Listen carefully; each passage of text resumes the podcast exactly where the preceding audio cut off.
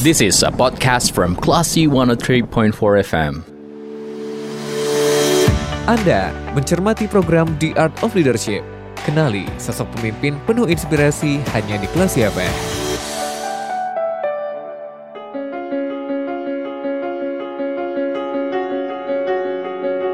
Dari Bumi Karang Darung Padang, menurut for Kelas FM, this is the actual radio. Assalamualaikum, Classy People apa kabar? Semoga selalu dalam keadaan yang terbaik. Terima kasih selalu mencermati Radio Kelas FM dan selalu mencermati program The Art of Leadership. Saya Lia Priyanka dan program ini kami hadirkan dengan maksud uh, ingin menggali seni kepemimpinan yang dianut oleh uh, seorang kepala, seorang ketua atau pemimpin begitu ya, classy people ya. Dan senang sekali hari ini saya sudah bersama dengan Kepala Dinas Pariwisata Kota Padang ada Bapak Eri Senjaya. Nah, kita akan gali nih kalau Pak Eri kira-kira memegang prinsip seperti apa dalam kepemimpinan beliau. Assalamualaikum Pak Eri, apa kabar?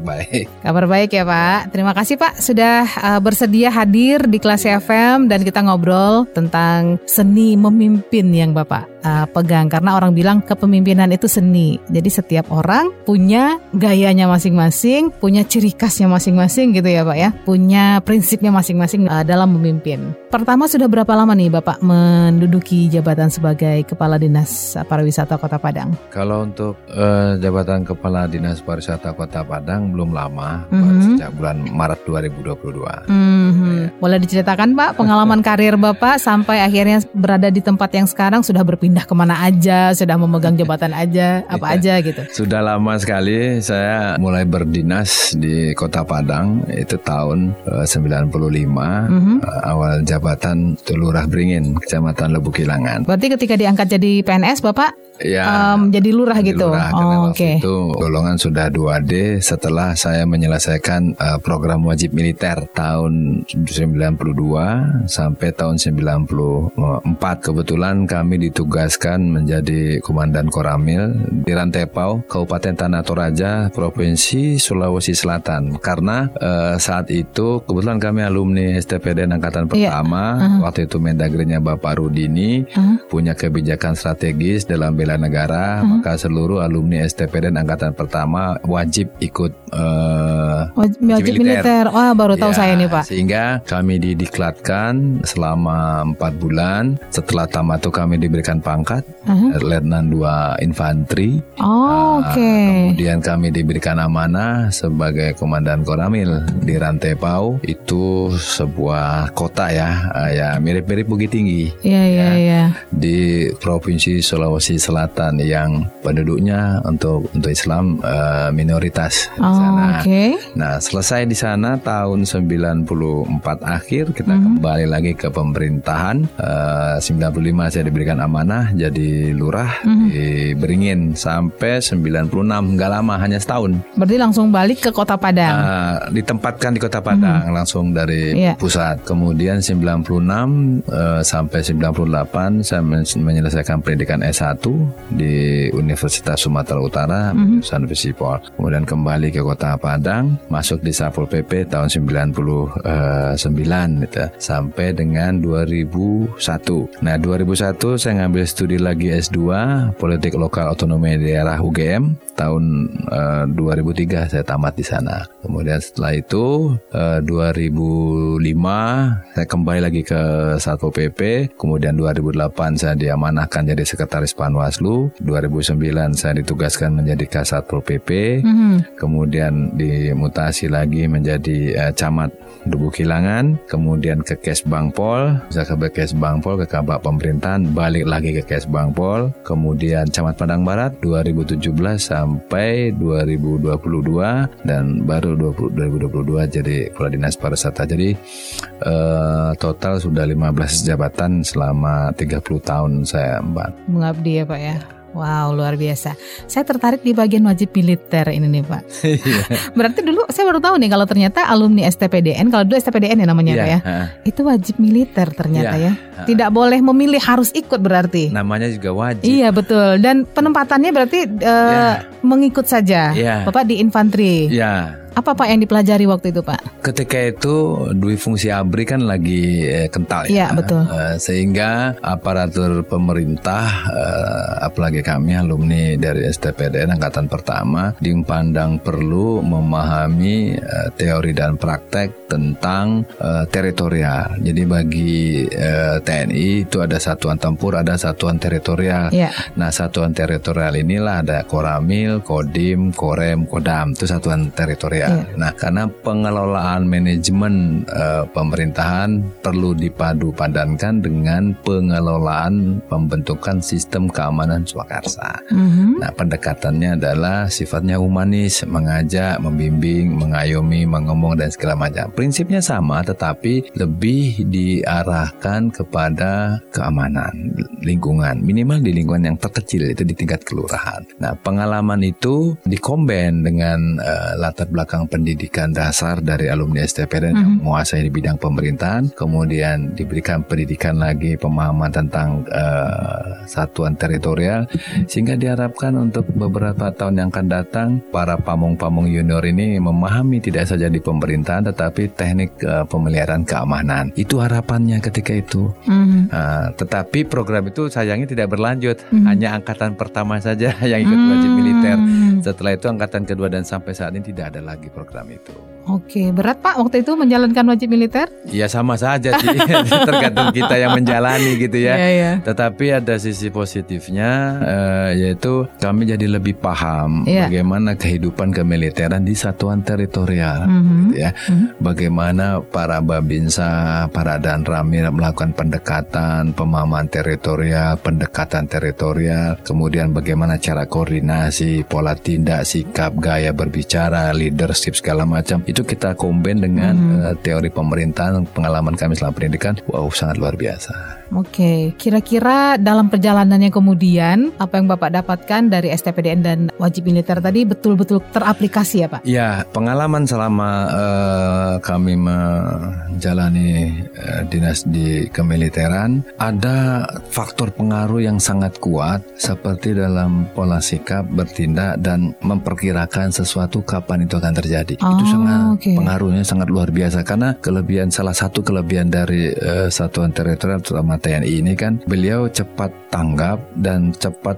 memperkirakan yeah. uh, sesuatu itu akan terjadi dengan mempelajari gejala-gejala yeah. yang yang ada saat ini. Mm -hmm. Gitu ya seperti kayak mau hujan ya. Mm -hmm. Berarti tandanya nih eh, mendung, angin kencang, segala macam. Nah, uh, demikian halnya untuk masalah sosial. Jadi ketika ada satu masalah sosial yang akan terjadi maka beliau ini lebih paham gejala yang akan muncul sehingga cegah dini itu bisa dilakukan dengan cepat. Nah, jadi sudah tahu faktor bawa, resikonya ya, Pak ya? ya? Sudah tahu faktor resikonya. Jadi kemudian terbiasa dengan mengambil uh, alternatif satu, dua dan tiga oh, dalam okay. melihat dan memutuskan satu permasalahan dan itu sangat berpengaruh dalam leadership kami secara pribadi. Jadi um, membentuk pola pikir sistematis ya, gitu ya Pak ya? ya? betul betul. Oke. Okay. Hmm. Tapi cita-cita Bapak sendiri waktu kecil apa? Waktu kecil sebetulnya cita-cita saya sederhana ya karena saya hobi sekali menggambar. Uh -huh. ya. Saya hobi menggambar terutama kendaraan uh, penumpang ya kayak bis gitu. Okay. Bahkan ketika saya SMA saya bercita-cita sangat sederhana. Saya pengen bawa bis. Jadi eh, driver bis maksudnya? driver bis oh, itu. Okay. Cita-cita saya sederhana karena asik kayak. Uh -huh. Jadi makanya setiap kali ketika saya sekolah itu selalu saya ngambil posisi tempat duduk di belakang sopir atau di samping sopir. Uh -huh. Karena memang selama ini di eh, sekolah kami jauh-jauh ke Medan, ke Jogja, ke oh, Bandung. Okay. Jadi selalu seperti itu. Sempat terbesit kok kayaknya asik ya jadi supir bis uh -huh. segala macam. Tetapi mungkin Tuhan berkata lain. Iya, iya, iya. tamat SMA, saya melamar pendidikan kedinasan. Alhamdulillah ternyata di lulus ya, uh, diterima. Gitu. Oke, okay. bapak besar lahir dan besar di daerah mana? Saya lahir besar di Jakarta sih sebetulnya. Mm -hmm. ya. Sampai tahun 87 itu saya di Jakarta dan Bogor karena memang kampung kecil saya di sana. Mm -hmm. Karena orang tua pindah dinas di Departemen Keuangan, kami sekolah menamatkannya di SMA 1 Bukit Tinggi tahun 89. Nah, jadi saya melamar ke STPDN itu dari kota Bukit Tinggi. Oh begitu. Nah, waktu itu ini sedikit pengalaman yeah. flashback. Mm -hmm. Kalau dari suku bangsa saya kan Sunda ya. Waktu itu sangat kental uh, primordialisme okay. ketika akan masuk sekolah kedinasan. Yeah. Oke, okay? mm -hmm. uh, saya mentahkan itu karena Bapak dari Bukit Tinggi tapi sebetulnya orang Sunda tapi lulus. Ya. Karena saya dengar memang dia sesuai daerah masing-masing biasanya ya, gitu ya Pak ya. Dan itu saya mentahkan. Ternyata terbantahkan. Banyak terbantahkan. Oh bayar, enggak. Mm -mm. Oh premodernisme saya orang Jawa Barat orang yeah. Sunda kenapa Tapi lulus saya bisa dari lulus Bukit Tinggi. dari Bukit Tinggi? Ah oke. Okay. Nah. Karena kadang-kadang yang berita yang beredar itu setengah-setengah dan tidak sepenuhnya benar yeah, gitu yeah, ya yeah. Pak Eri ya. Yeah. Jadi uh, sebetulnya kalau memang seseorang itu memiliki kualitas dan mampu untuk suatu posisi, untuk suatu tempat ya bisa saja dia bisa, bergabung di situ ya. Oke. Okay. Karena awalnya kan kata Bapak pengen jadi driver bis, kemudian hmm. malah mendaftar ke STPDN. Hmm. Itu atas dorongan orang tua guru atau perbincangan dengan teman atau karena itu baru buka pada tahun itu dan rasanya itu uh, probabilitasnya yang cukup tinggi atau bagaimana Pak? Ya, sebenarnya saat itu ya mengalir seperti air gitu mm -hmm. tanpa disengaja, tanpa direncana gitu itu begitu saya tamat SMA, saya bawa ijazah, saya berjalan kaki dengan teman saya. Teman saya ini namanya Akmal Malik. Kalau mm -hmm. Mbak Lia ingat sekarang beliau ini jabatannya Dirjen Oda Kemendagri. Mm -hmm penjabat Gubernur Sulawesi Barat. Mm-hmm. Saat ini mm-hmm. beliau ini Akmal mm-hmm. Malik. Saya bersama beliau berjalan ke APDN Bukit Tinggi waktu itu ternyata sudah ditutup APDN okay. waktu itu karena informasi mm-hmm. akan dibentuk APDN nasional. Berpisahlah kita beliau ke kampungnya ke Pulau Punjung dan saya kembali ke rumah. Nah karena rum saya pulang jalan kaki, entah kenapa ini kaki seolah-olah begitu saya sadar saya sudah berada di halaman Balai Kota Bukit Tinggi yang mm -hmm. waktu itu di belakang balok. Okay. Dan di hadapan saya ada pengumuman penerimaan mahasiswa APD nasional.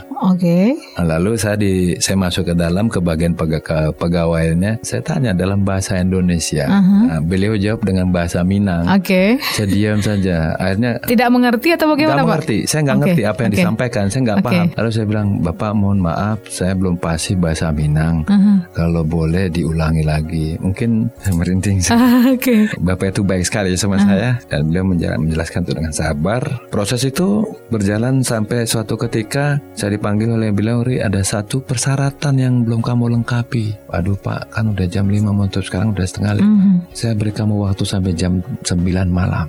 Okay. Kamu cari dokter mata, dokter buta warna. Hmm, jadi itu persyaratan yang belum terpenuhi itu waktu yang itu. belum terpenuhi. Betul-betul merinding saya. Bapak itu berjasa sekali. Kemudian saya datang ke satu puskesmas, akhirnya dapatlah surat itu. Berlari-lari kecil, angkot udah nggak ada angkot, angkutan umum nggak ada. Benar-benar saya lari kecil. Orang tua saya nggak tahu. Saya ikut ini. Kemudian setelah lengkap, saya berikan ke beliau ini lengkap kata yang keluar dari mulut beliau sampai sekarang masih ingat. Saya yakin kamu lulus. Luar biasa. Ternyata wow, memang ya. saya lulus. Hmm. Padahal waktu itu dari Bukit Tinggi 13 orang yang mendaftar, cuma saya yang lulus. Satu orang. Ya terbantahkan memang kalau begitu ya. Iya. Ada satu orang perempuan dari 13 dua yang lulus dari Kota Bukit Tinggi. Yeah, okay. Eh, kebetulan ibu ini sekarang Kota Bogor dan salah satu pejabat strategis juga di pemerintah Kota uh, Bogor. Sekat cerita satu bulan kemudian datang surat ke ke kantor orang tua saya dan saya sampaikan ini kamu dipanggil sama Bapak Wali Kota Bukit Tinggi waktu itu uh -huh. dan saya datang dan besoknya harus berangkat ke Malang waktu itu. Oh wow. Jadi, orang tua surprise. Orang tua juga tidak tahu. Gak tahu. Kenapa nggak cerita pak? Pertimbangannya begini mbak dia. Aku punya adik, ah, saya enam bersaudara. Oke. Okay. Saya anak paling besar. Bapak saya hanya PNS. Waktu itu golongannya tiga A. Berarti orang tua saya harus menghidupi adik-adik. Makanya saya harus berpikir saya harus cari sekolah ikatan dinas. Oke. Okay. Yang harus mandiri gitu. Mm. Dan saya tidak bicara apa-apa sama orang tua saya. Kayak ini sekolah saya cari tahu APD ini sekolah apa sih? APD ini sekolah apa?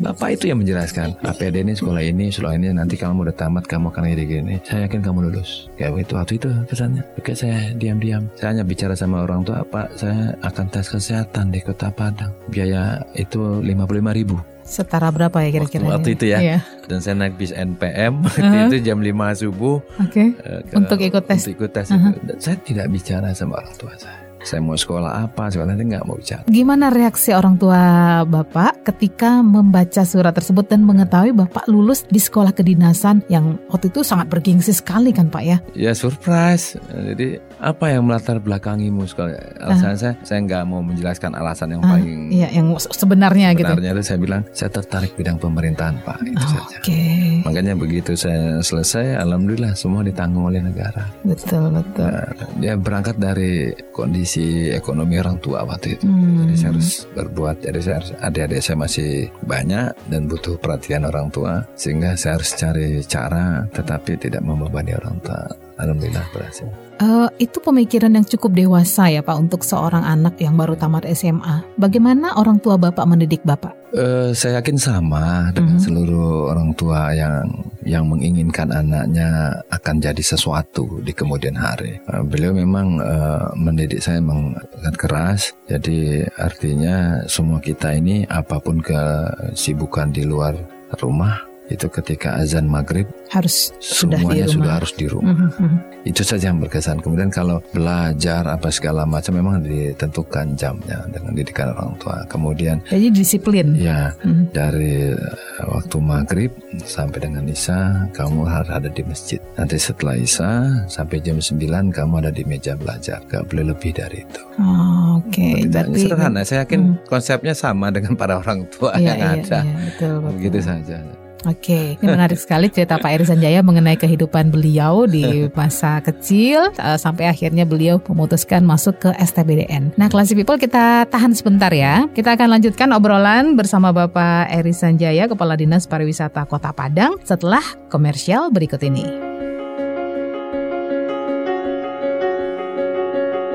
103,4 kelas FM, this is the actual radio. Kelas People masih di program The Art of Leadership, program yang hadir untuk Anda setiap hari Kamis di minggu kedua, ketiga, dan keempat ya. Saya bersama dengan Kepala Dinas Pariwisata Kota Padang, ada Bapak Eri Senjaya. Tadi di sesi satu beliau sudah sempat menceritakan uh, bagaimana awalnya beliau berdinas uh, di pemerintahan ya. Ternyata ada faktor faktor apa ya? Faktor ketidaksengajaan sebetulnya awalnya kalau kita bilang dalam tanda iya. kutip yeah. begitu ya Pak ya. Takdir yang akhirnya membawa Bapak sampai ke Sumatera Barat. Bapak masih ingat dengan nama uh, pegawai yang mengatakan kamu pasti lulus gitu yang membantu memberikan kelonggaran untuk Bapak mengurus syarat-syarat mengikuti waktu STPDN pada waktu itu? Iya, beliau sudah almarhum. Sudah almarhum. Namanya Pak Soekardi.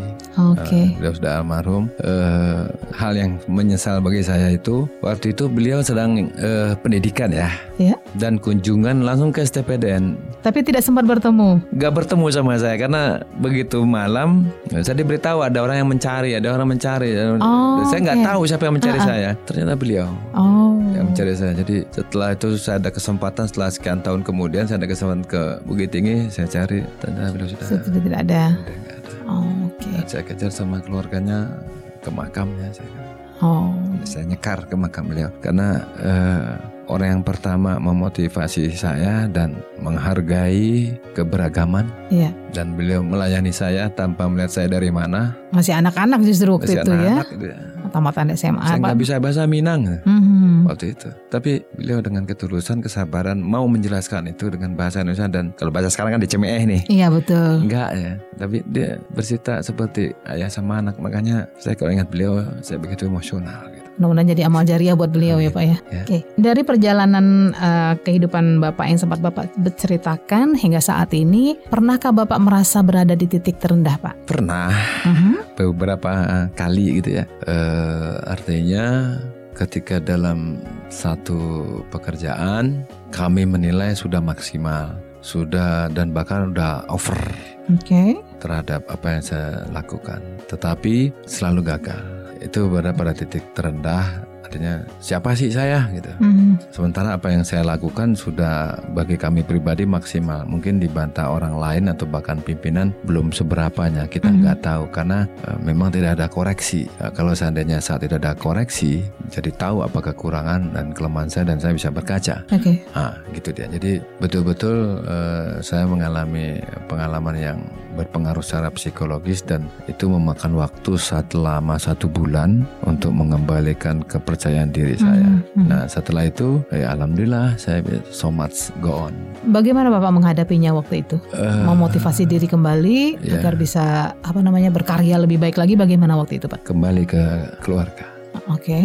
Uh, istri dan keluarga, ya, semuanya teman-teman juga memberikan support mm -hmm. untuk uh, terus berkaya, untuk diperangkapkan ini sebuah cobaan, mm -hmm. gitu ya. Mm -hmm. Kedua, saya lihat ke bawah. Saya tidak mau lihat ke atas. Saya lihat ke bawah. Begitu banyak rekan-rekan kami yang memiliki harapan yang sama dengan saya untuk berada pada level yang sama dengan saya sekalipun itu sulitnya minta ampun. Mm-hmm. Jadi eh, saya tidak akan melihat ke atas, tapi saya lihat ke bawah. Artinya eh, masih banyak kok rekan-rekan kami yang jalan karirnya tidak semulus, semulus Bapak misalnya. Saya, gitu. ya. saya melihat itu perbandingan. Tetapi kalau saya lihat ke atas, maka akan muncul perasaan sakit hati, kecewa dan segala oh, macamnya maka saya berusaha melihat ke bawah. Dan kedua, saya memanfaatkan waktu untuk melupakan situasi itu ketika ada satu diklat. Mm -hmm. Waktu itu diklatnya diklat Widya Iswar. Okay. Satu bulan. Oh, nah, okay. jadi untuk uh, sedikit uh, mengalihkan situasi psikologis waktu itu saya ambil pendidikan itu. Ternyata pendidikan itu yang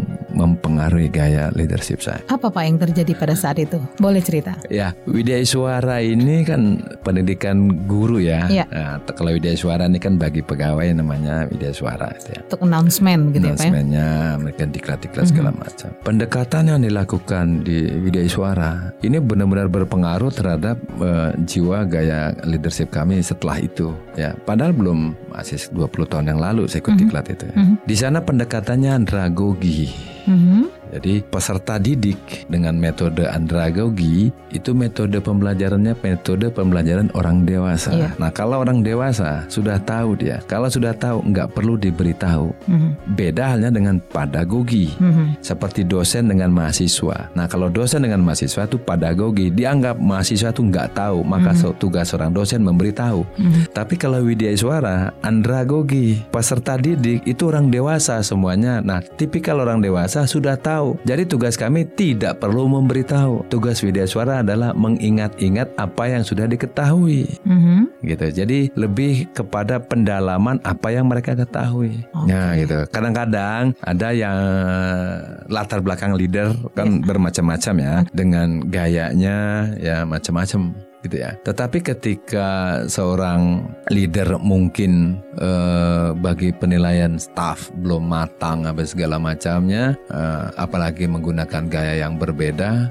eh, tentu akan mempengaruhi psikologis dari staff atau bawahan. Maka eh, pendidikan itu itu membentuk karakter saya yang pengaruhnya sangat luar biasa. Artinya dengan kebiasaan, dengan sejarah hidup ya dengan pengalaman, kemudian pendidikan, nasihat pitua, pitua orang tua-tua gitu kan. Ditambah lagi dengan hasil pendidikan kami di Widya Suara, mm -hmm. bahwasanya terapkanlah metode pembelajaran uh, andragogi. Mm -hmm. Nah, ke andragogi semua staf dianggap orang dewasa. Berarti dibutuhkan inisiatif Sip. di situ ya, Pak ya. Nah, kalau orang dewasa tipikalnya nggak mau diberitahu. Betul. Kalau diberitahu tersinggung dia. Betul, kayak diajarin anak-anak iya, nih gitu ya, walaupun Pak, ya? yang memberitahunya usianya lebih tua atau atasannya nah, justru gitu ya. Maka tugas Widya Iswara lebih menekankan kepada membangun hal-hal yang sudah tahu tetapi terlupakan oleh peserta iya. didik oh, gitu. Okay. Implementasinya di uh, di kantor, di instansi-instansi ya. kemudian yang Bapak terapkan seperti apa? Ya, kalau saya baca gaya kepemimpinan ada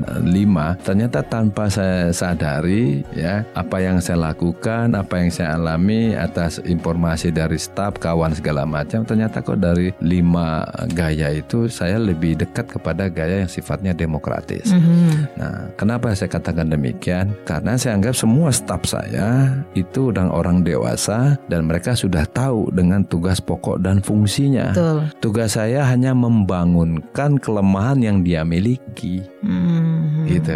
Wah, Bapak ini kerjanya sudah bagus, tetapi kalau dengan hasil kualitas kerja Bapak seperti ini tidak menggambarkan kualitas Bapak. Mm-hmm. Nah, saya motivasi, saya gali, saya gali, saya gali, saya gali sehingga akhirnya muncul inisiatif dari staf untuk meningkatkan kualitas kerjanya. Saya ajak, saya pergauli seperti bapak dengan anak, ibu dengan anak, mama dengan kemanakan. Tidak saya anggap sebagai bawahan. Okay. Nah, saya berikan porsinya uh, sebagaimana teori Amos loh ada lima kebutuhan dasar. Yeah. Salah satunya adalah kebutuhan untuk yeah. aktualisasi yeah. diri. Dihargai gitu ya. Pak. Nah makanya ketika saya di kecamatan waktu itu lima tahun saya di Padang Barat, ketika ada wawancara media cetak maupun elektronik mm ya, maupun televisi ataupun radio, saya berikan ruang kepada staf saya untuk berani mengemukakan pendapat. Contoh ketika ada lomba kelurahan pemanya, saya nggak mau diwawancarai. Oh, Oke, okay. berarti memberikan statement staf Bapak Lurah, Lurah, Lurah karena, bukan camatnya iya, ya. karena memang Pak Lurah yang capek, Pak oh, Lurah okay. yang mempersiapkan semuanya. Jangan tanya saya, tapi silakan bertanya ke hmm. Pak Lurah karena Pak Lurah hmm. yang capek, Pak hmm. Lurah ini segala macam. Nah, saya berikan ruang itu kepada seluruh staf saya. Hmm. Makanya ketika saya di kecamatan waktu itu saya jarang sekali ada wawancara langsung dengan saya. Di media elektronik beberapa kali lurah kami segala macam dia wawancara langsung dengan stasiun televisi.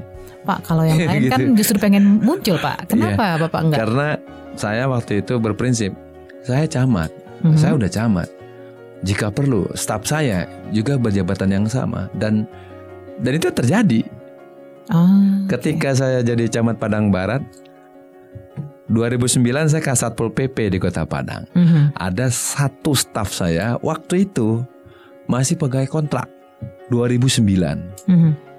Mbak Lia bayangkan ketika saya jadi camat di 2017 sampai 2022, 2020 dia sudah bergandengan di sebelah saya jadi camat juga. Wah, ya kan? itu seperti kaderisasi yang bangganya tuh luar biasa ya Pak Pasti nah, Pak. Iya seperti itu.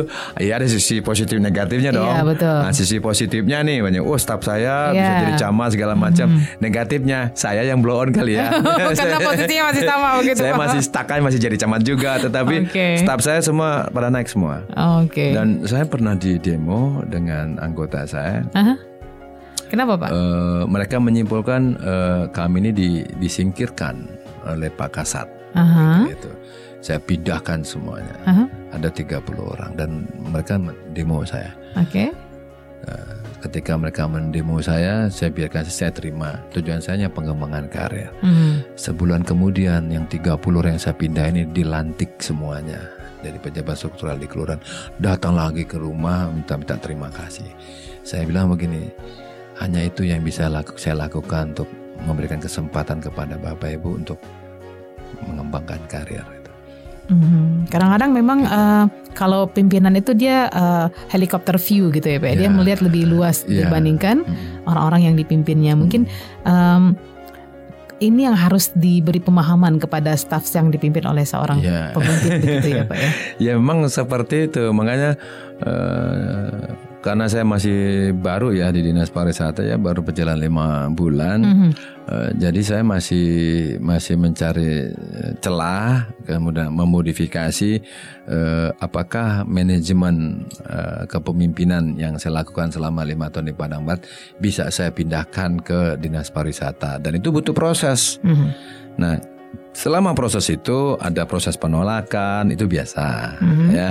Kemudian cobaannya juga banyak tantangannya juga banyak, masalahnya juga banyak, tekanan apa lagi. Nah, ini modifikasi-modifikasi yang uh, harus kita kita ambil sisi positifnya supaya menjadi satu kekuatan kayak ya bahan bakarnya dinas pariwisata sehingga menjadi kekuatan sehingga menjadi satu tim. Hmm. Berhasilnya satu kantor itu bukan karena kehebatan pimpinannya tapi cara pola manajemen dia menjadikan kantor itu menjadi sebuah mesin dan sebuah tim. Oke. Okay. Bagi kami secara pribadi, keberhasilan satu kantor tidak ditentukan oleh leader, tetapi bagaimana dia memanage seluruh sistemnya begitu. Karena dari lima gaya kepemimpinan ini punya kelemahan dan betul. kelebihan masing-masing, tergantung betul. dari kitanya ini mau diap kemanain gitu. Apakah tujuannya output, mm -hmm. uh, sistem, ya, atau karena dorongan. Mm -hmm kita yang tahu mau diapain segala macam. Nah saya juga punya buku ya. Buku ini karangan luar negeri translate. 25 cara mening, uh, meningkatkan kinerja uh, uh, kreativitas staff menjadi berkinerja bintang. Itu karya Richard M. Steer. Mm -hmm. Dari 25 itu, gak semuanya saya terapin. Mm -hmm. 15 saja cuma bisa. Cocok. Oh, gitu. Okay. Ya selalu saya baca yang sedikit-sedikit aja mm -hmm. karena untuk menjadi leader sumbernya banyak. Ada yang karena proses, yep. ya, ada mm-hmm. yang karena ya memang dilahirkan jadi itu, ada yang dipaksa betul, dibentuk segala betul. macam. Maka yang paling asik ya, kalau bagi saya pribadi yang paling ideal adalah seorang leader itu cocoknya lahir dari sebuah proses. Mm-hmm Mungkin Mbak Lia lebih suka kalau makan duren yang masak di batang ketimbang yeah. yang dipetik. Betul. Karena manisnya. Beda ya Pak ya. Beda. Hmm, kurang gitu. be lebih begitulah analoginya ya Pak ya. ya kira-kira seperti itu analoginya. Kepuasan batinnya beda gitu ya, ya Pak ya. Iya karena hasilnya juga ya, beda. Sama kalau kita mau dari sini ke pasar raya, mm -hmm. uh, kita harus melalui pasar benar buah dulu, yeah. bebas dulu, upi dulu segala. Enggak ujuk-ujuk dari sini langsung tiba-tiba sampai. Betul. Karena bagian proses itu tidak tidak dilalui. Bagaimana menghadapi kemacetan, bagaimana menghadapi. Ada proses belajar yang hilang ya Pak ya. Nah itu dia.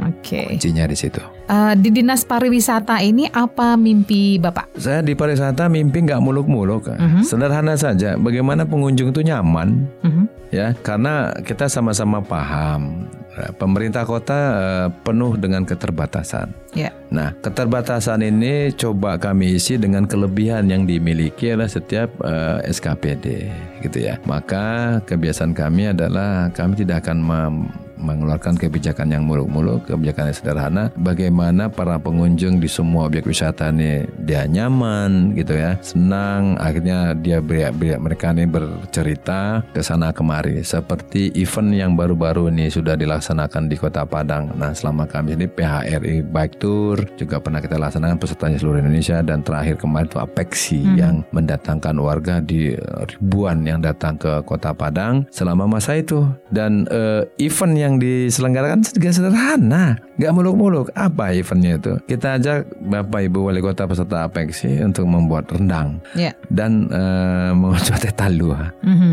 Itu kan sederhana itu. Bagi kita hal sederhana, tetapi bagi mereka pengalaman yang luar biasa. Itu luar ya? biasa. Makanya dari 98 95 wali kota bisa ikut hadir mengikuti mm-hmm. uh, membuat teh talua itu dan kita dia berikan penghargaan rekor muri. Lomba membuat teh talua yang diikuti 95 wali kota se-Indonesia. Hmm. gitu. Sederhana aja makanya saya tidak muluk-muluk selama dinas pariwisata bagaimana membuat dinas pariwisata ini menjadi sebuah SKPD yang ideal, kemudian bisa uh, memberikan situasi yang nyaman dan bisa mengundang pengunjung datang ke Kota Padang dengan harapan pergerakan ekonomi akan semakin baik dan tantangan ke depan yang oleh dinas pariwisata adalah bagaimana mengemas gedung Bagindo Youth Center ini menjadi hmm. sebuah gedung yang sangat representatif kreatif dan bahkan menjadi ikon pembentukan komunitas yang paham terhadap ekonomi kreatif karena Bagindo Ajiskan Youth Center ini satu-satunya di Sumatera. Itu nanti ya. diakses oleh siapa saja Pak? Oleh siapa saja. Gedung ini bisa diakses oleh siapa saja. Kecuali nanti pemanfaatan gedungnya untuk uh, sifatnya benefit atau keuntungan dari bagi perusahaan atau pihak ketiga, mm -hmm. maka akan ada pembebanan biaya yang mm. ditekan kepada mereka. Jadi nggak semuanya gratis. Ya, ya, ya. Nanti akan ada, ada prosesnya ya Pak, ya,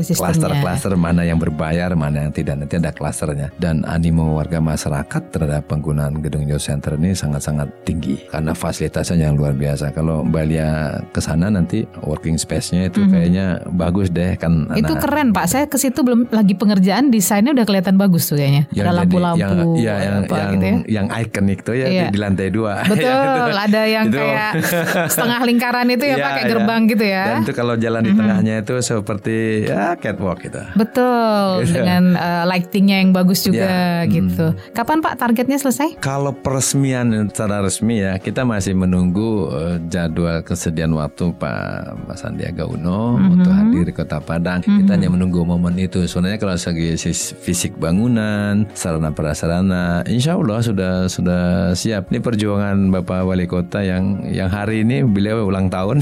jadi oh, jadi ini jadi uh, ini sebuah kado, kado, ya? Kado spesial bagi warga Kota Padang dari Bapak Wali Kota Padang. Bahwasanya beliau dengan penuh semangat, gegap gempita uh, merangkul kaum milenial, mm-hmm. menyediakan sarana bagi kaum milenial yang terbungkus dalam kegiatan komunitas ya untuk mau berlatih, mengasah diri, meningkatkan kemampuannya di youth center. 17 subsektor itu sudah disiapkan sana dan sana dan manfaatkanlah. Diharapkan untuk 2 3 tahun ke depan akan muncul kekuatan ekonomi baru yang berangkat dari kaum milenial saat Mudah-mudahan uh, tujuan mulia ini, ini tercapai gitu ya Pak ya. gitu, ya. Karena memang uh, seperti um, dunia pariwisata ini dunia kreatif sebetulnya. Ya, betul. Uh, Pak Eri ya. Iya. Uh, jadi harus ada ide-ide kreatif yang segar, ya. yang menarik, ya. yang membuat orang berani datang ke Padang dan Betul datang lagi gitu ya nggak sekali datang tapi kapok gitu pak. Iya, kapan perlu suatu saat nanti ketika podcast Mbak Lia lah saya undang di sana. Siap.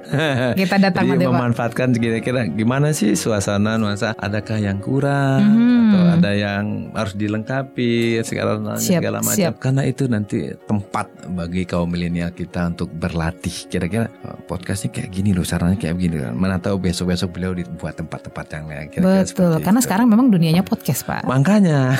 Jadi, datang sana. Betul betul. Siap-siap nanti kita uh, datang nanti kita yeah, call, yeah. Oh, calling Bapak ya. Kita yeah. nanti minta izin untuk menghubungi Bapak. Kalau di dunia pariwisata ini menurut Bapak nih khususnya untuk Kota Padang ya, hmm. tantangan utamanya apa Pak? Oh, tantangan banyak sekali ya. Yang paling terasa kita ada 92 objek wisata sekota Padang besar, kecil, tidak terkenal, dan terkenal. 92 banyak juga ya Pak. Saya banyak. Gak, saya nggak pernah ngitung nih selama ini. Banyak. Banyak ternyata ya. Jadi, jadi dia kita mengklaster dari 92 uh. ini kita klaster. Oke. Okay. Yang pertama wisata kuliner. Oke. Okay. Ya, wow terbentang luas wisata kuliner. Kalau ditanya sama orang di mana saya mau makan rendang, yeah. sudah ada tempatnya. Oke. Okay. Di mana saya mau beli keripik, sanjay banyak tersedia sekarang udah banyak loh. Ya betul. Oke. Okay? Nah, betul. setelah itu ada wisata alam. Mm -hmm. Kita banyak loh wisata-wisata wisata pemandian segala macam itu Karena Padang ini kaya ya Pak ya, pantai ada, bukit ada iya. ya.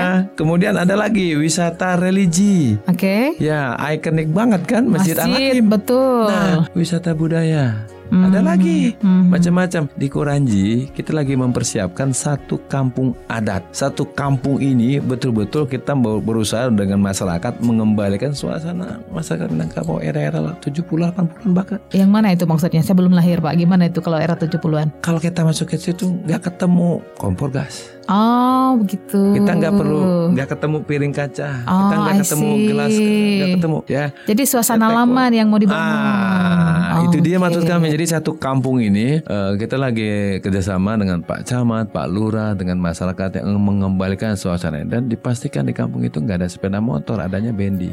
Kira-kira masyarakat mau nggak Pak? Karena orang pengen modernisasi nih semua sekarang. Itu yang saya katakan tantangannya ah, dari situ. Iya, iya, Artinya iya, iya. saya nggak yakin uh -huh. kalau masyarakat itu tidak memiliki keinginan untuk mengembalikan suasana itu.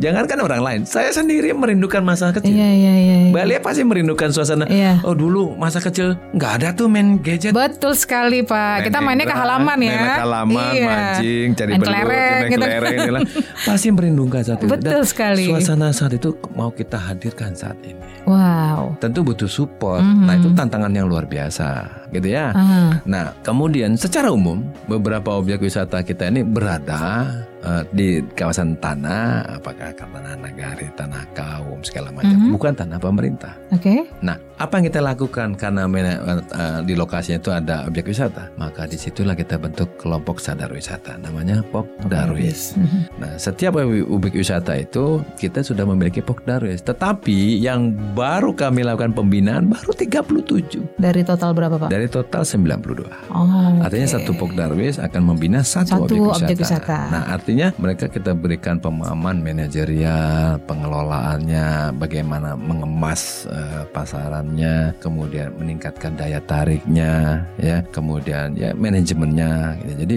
tidak serta merta kita bentuk seperti itu tidak. Mm. Jadi banyak sekali sebenarnya 92. Nah, yang ikonik kayak Pantai Padang, kemudian Pantai Air Manis. Munculnya Pantai Padang menjadi ikonik kan belum lama sih sebetulnya. Mm -hmm. Untuk kita flashback umpamanya 15 10 tahun yang lalu. Mm -hmm. Adakah orang yang mau ke Taplau?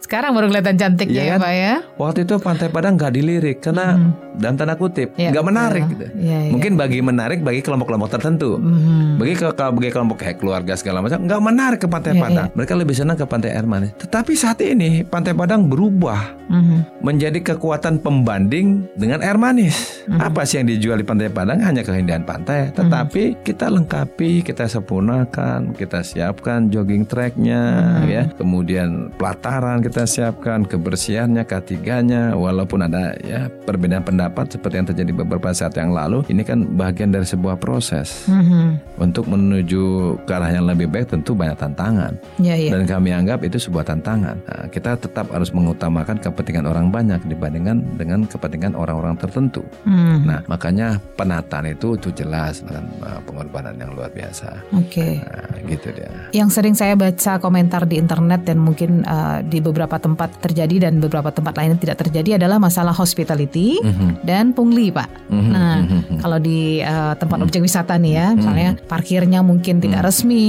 mahal pula, misal mm -hmm. begitu. Mm -hmm. Nah, ini bagaimana kira-kira kalau untuk hal ini penanganannya, Pak? Sebenarnya kejahatan itu nggak akan muncul mm -hmm. kalau tidak ada penyebab, mm -hmm. kata Bang Napi sih. Iya.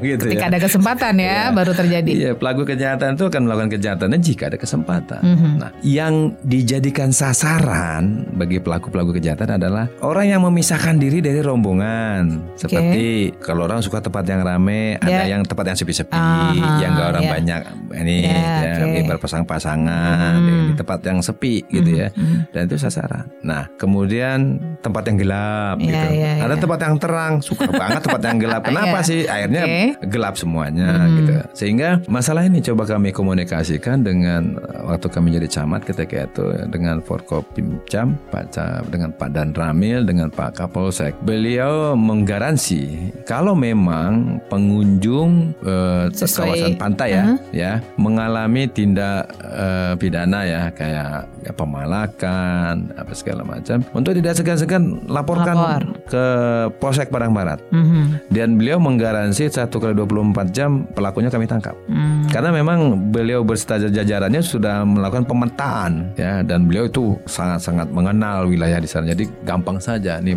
pelaku-pelaku kita mereka sudah ada kenal gitu. Nah, masalahnya adalah saat ini pelaku-pelaku baik kena dia parkir liar atau dipalak lebih senang ngadunya ke media sosial. Nah, betul. Kayaknya jarang yang membuat pengaduan ke polisi nah, ya. Padahal kalau beliau nih mereka-mereka yang uh, korban melaporkan ke polsek butuh waktu satu kali 24 jam dapat pelakunya. Nah itu dia classy people ya. Begitu. Karena beberapa selama kami jadi camat lima tahun ya, setiap kali ada warga nih muncul banyak di media sosial, yeah. kami teruskan langsung dengan Pak Kapolsek. Yeah. Sore udah dapat hmm. pelakunya. Nah hanya saja keengganan mereka untuk melaporkan itu sangat tinggi dengan berbagai sebab. Ya mana tahu ya, misalnya, hmm. misal ya, hmm. dia berpasang-pasangan ya kayaknya nggak yakin deh kalau suami istri ya, ya. memisahkan diri mm -hmm. ke tempat-tempat mm -hmm. yang sepi gitu ya. Mm -hmm. Nah kalau dia lapor polisi mungkin nanti keluarganya tahu. Ya, nah faktor-faktor ini oh, okay. menjadi faktor utama loh kenapa ya, keengganan ya. mereka melaporkan itu. Nah eh, atau ada ada sebab yang lain. Nah gini kan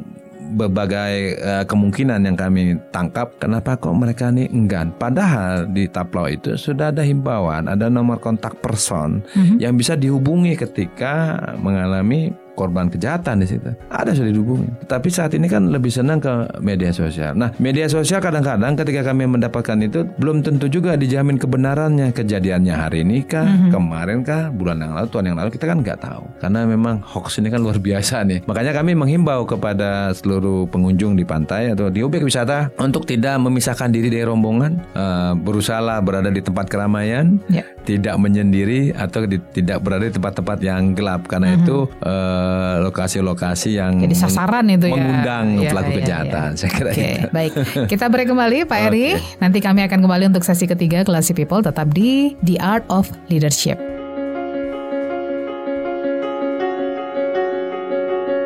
103,4 kelas FM, this is the actual radio. Classy People Masih di program The Art of Leadership bersama saya Lia. Dan tamu saya hari ini adalah Kepala Dinas Pariwisata Kota Padang. Ada Bapak Eri Senjaya. Kita udah ngobrol panjang sekali ya di sesi 1 dan juga sesi 2 Kalau Anda terlewatkan, tidak sempat menyimak dari sesi 1 dan sesi 2 tadi Jangan khawatir, program uh, ini akan diputar ulang nanti malam ya Di jam 7 hingga ke jam 8 Dan bisa dicermati juga via podcast radio Radio Kelas FM. Ada pilihan caranya. Yang pertama Anda bisa masuk ke www.kelasfm.co.id. Kemudian silahkan pilih podcast yang ingin Anda dengar. Tidak hanya program The Art of Leadership, tapi juga beberapa program lainnya dari Radio Kelas FM. Atau cara yang berikutnya adalah Anda bisa mendengarkan via aplikasi uh, Kelas FM, boleh di-download terlebih dahulu di Play Store ataupun di App Store. Jadi di mana pun Anda berada tetap bisa mendengarkan Radio Kelas FM, baik itu streamingnya ataupun program-program yang sudah kami simpan dalam bentuk podcast, termasuk salah satunya adalah percakapan saya dengan Bapak Eri hari ini Classy People. Ini di sesi ketiga, uh, karena waktunya yang sudah terbatas sekali nih Pak Eri, kita singkat saja barangkali ya. Ini saya baca Bapak suka katanya hobinya traveling, touring yeah. dengan motor. Yeah. Menarik sekali hobinya Pak.